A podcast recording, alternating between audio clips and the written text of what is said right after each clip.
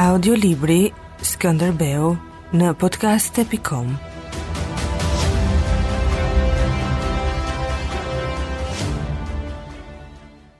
Kapitulli 9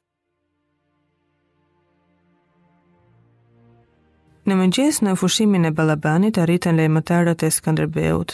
Ata thanë se çmimin për robërit le ta caktonte vetë Ballabani. Ky tha se i vinte keq për lajmëtarët, nuk arritën më parë. Puna kishte dalë nga duart e tij. Robërit ishin në udhëtim për në Stamboll dhe i pyeti lajmëtarët nëse mund të bënte ndonjë gjë tjetër për Skënderbeun. Ai u dha lajmëtarëve pesë kuaj arabë me pajime të lara për Skënderbeun. Skënderbeu i ktheu kuajt dhe kërkoi robërit edhe një herë. Ballabani u çudit që nuk pranonte dhurata të shtrenjta të denja për një mbret. Ai u betua mbi kuranin se nuk i kishte robërit në dorë, por do t'u jepte lajmëtarëve një lejekalim që të shkonin e t'i kërkonin në Stamboll. Skënderbeu gjakosi buzën, U ngrit më këmbë dhe u betua se kufomën e Bederës do t'ua hidhte qenve. Pastaj u ul prapë në vend. Kjo nuk ishte kurrgjë. Kjo nuk ishte as edhe një e dhjeta e pjesës së hakmarrjes. Ai nisi Pal Kukën vetë i tretë për në Stamboll. Do të paguante për robërit çfarëdo çmimi, ose do të lironte në këmbim të të gjithë robërit turq që gjendeshin në Arbëri. Ata mund të ishin shumë, do të lironte të gjithë, ose do të paguante çmimin dhe do të lironte edhe robërit. Po këtë Pali duhej t'ia thoshte në fund. Me kalimin e ditëve, dëshira për t'i parë kapitenët të ktheheshin i përfshiu të gjithë. Burra e gra dhe u rrit deri në atë pikë sa dukej sikur prej saj vareshin e kaluara e tashmja dhe sidomos e ardhmja e gjithkujt. Në kështjellën e Krujës dhe në tregun e Krujës ishin të sigurt për kthimin e shpejtë. Turku e njihte etjen e pashuar të shqiptarit për hakmarrje dhe s'mund të vinte dorë mbi kapitenët. Këta kapitenë i përkisnin gjithë popullit me gjuhë të njëjtë nga Drini i Bardhë në Vjosë e më tej. Sultan Mehmeti s'mund të tërhiqte mbi vete gjakmarrjen e tërë popullit. Këto biseda në tregun e Krujës përhapeshin në tërë vendin që mendonte ashtu siç mendonte Kruja. Ndonjëri që i njihte rrugët e Konstantinopolës caktonte edhe ditën e mundshme të kthimit të kapitenëve dhe shpesh hapeshin lajme të kota. Lajmi i kobshëm erdhi në befasi në perëndim të diellit dhe nuk u besua. Asnjëri nuk dinte gjë të saktë. Burra e gra lanë punën dhe u turrën drejt tregut me një frymë e me fytyra të prishura.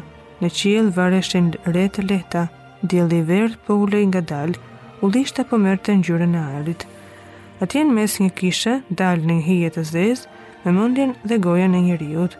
At Dariu me kryqin në dorë po thoshte: "Afrohuni bijtë e mi." Me dorën tjetër ndukte mjekrën, flokët e rrallë të thinjur që i binin mbi supe ia merrte era. Mërmëriste si i dehur kur e pa se tregu po mbushej. Filloi të thoshte se ishte dërguar nga Peshkop Andrea, po lajmëronte popullin se kapedanët po rripen të gjallë në sheshin e Kostandinopojës. Qysh po rripen bijtë e mi çdo ditë nga pak. Dhe tani po rripen. Prifti shpërfytyrohej dhe fjala e tij mbytej nga gulçimat. Turma iu mblodh rrotull me kërcënim. Nuk kuptohej ajo që po thoshte prifti. Sigurisht ishte i dehur dhe në këtë rast do të paguante menjëherë edhe me lëkurën e tij shakanë e tmerrshme që po bënte. Dikush thirri. Hej, uratë, të erdhi ngordhja. Prifti rrotulloi sytë e shqyer. Në ta, vetëtinte një qortim i rëndë. Prifti u ndie befas më i fortë, ngriti kokën dhe thirri përsëri, se ishte dërguar nga Peshkop Andrea për të lajmëruar popullin dhe nisi tregimin që dukej krejt i vërtetë. Sultan Mehmeti kishte thënë se asnjë çmim nuk do të ishte aq i lartë sa lëkura e kapitenve. Ai do të shpikte një dënim të ri për armiqtë e tij më të vjetër e më të urryer.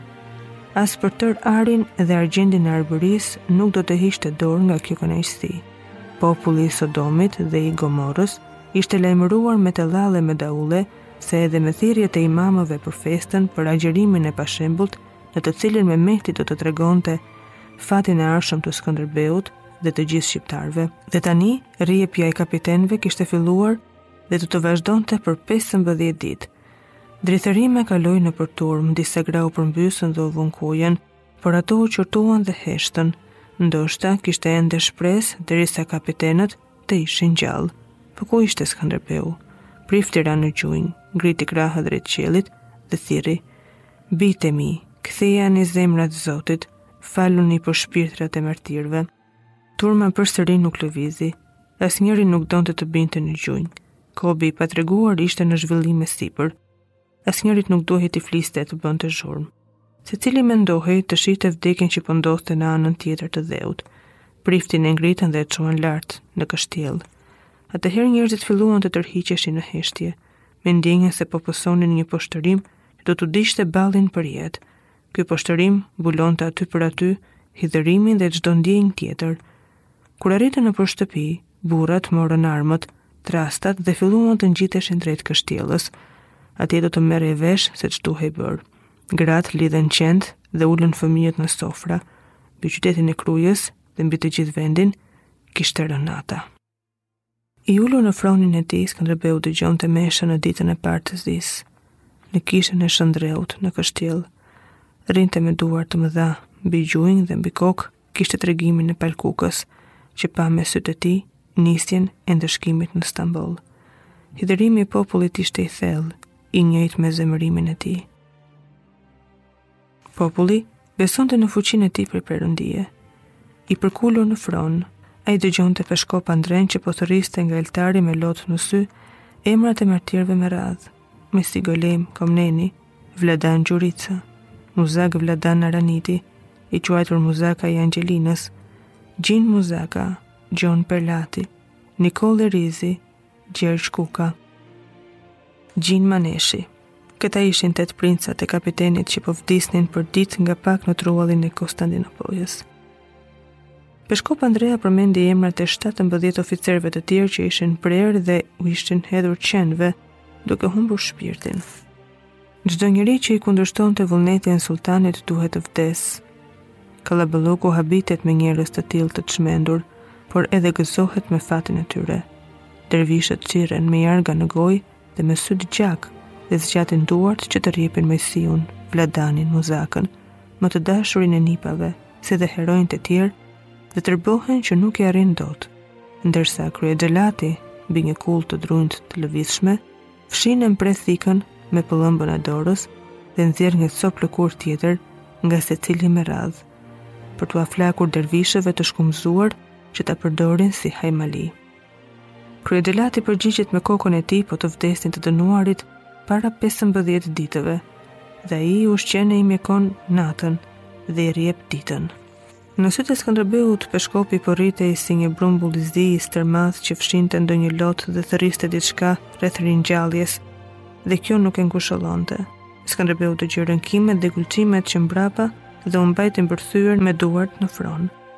Prapë i dilte në sy Moisiu, që mund të vdiste vetëm në një mënyrë i goditur nga një gjyle topi, duke lënë prapa vetëm pluhurin. Dhe nëse duhej të vdiste nën hanxharin e xhelatit, ai do të shkonte atje me hap të shpejt, të hiqte gunën dhe të, të mbaronte punën në çast. Apo shpirti i Mojsiut, ai donte të vdiste shumë herë duke pështyrë Mehmetin dhe kryeqytetin e tij, tërë perandorinë që të lante atë faj të parë që nuk i shqitej nga mendja si dhe këtë të dytin që e la ushtrinë prapa dhe ra në grackën e Ballabanit.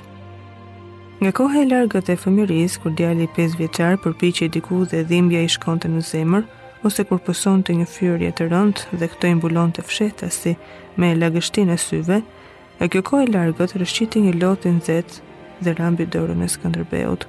Pastaj rrëshqitën lotë të tjerë dhe e kuptoi që po qante. Pal Kuka, që rrinte në krah të tij, i tha diçka dhe ai ngriti kokën. Zëri i ngashëruar i peshkopit dhe tingujt e zgjatur të këmbanave që vinin nga jashtë, trazoheshin me ajrin e kishës, të mbushur me tym qiriu. Skënderbeu uli kokën për të mos dëgjuar. Pak nga pak po i lirohej gjoksi, po ftohej dhe po zbriste më poshtë, si një lëndë që helmon gjakun, dhimbja më e madhe që kish provuar në jetë dhe që mund të zbutej disi vetëm me hakmarrje. Këmbanat pushuan, zija mbaroi, ajo u kthye në një këngë, sepse asnjë zi, sado e rëndë qoftë, nuk qëndron gjatë në popull. Çdo trimi të vdekur do t'i këndoheshin punët e tij, Për heronjtë e Kostandinopojës duheshin këngë tepër të gjata. Veprat e këtyre heronjve ishin të mëdha dhe duhej zotësi për t'i treguar. Njerëzit të mblidheshin të dëgjonin edhe këngët e reja që u përhapën në fshatra e stane. Ku kryqëzoheshin me këngë të tjera që vinin nga Malësia dhe kështu heronjtë jetuan atë dimër me popullin më gjallë se më parë.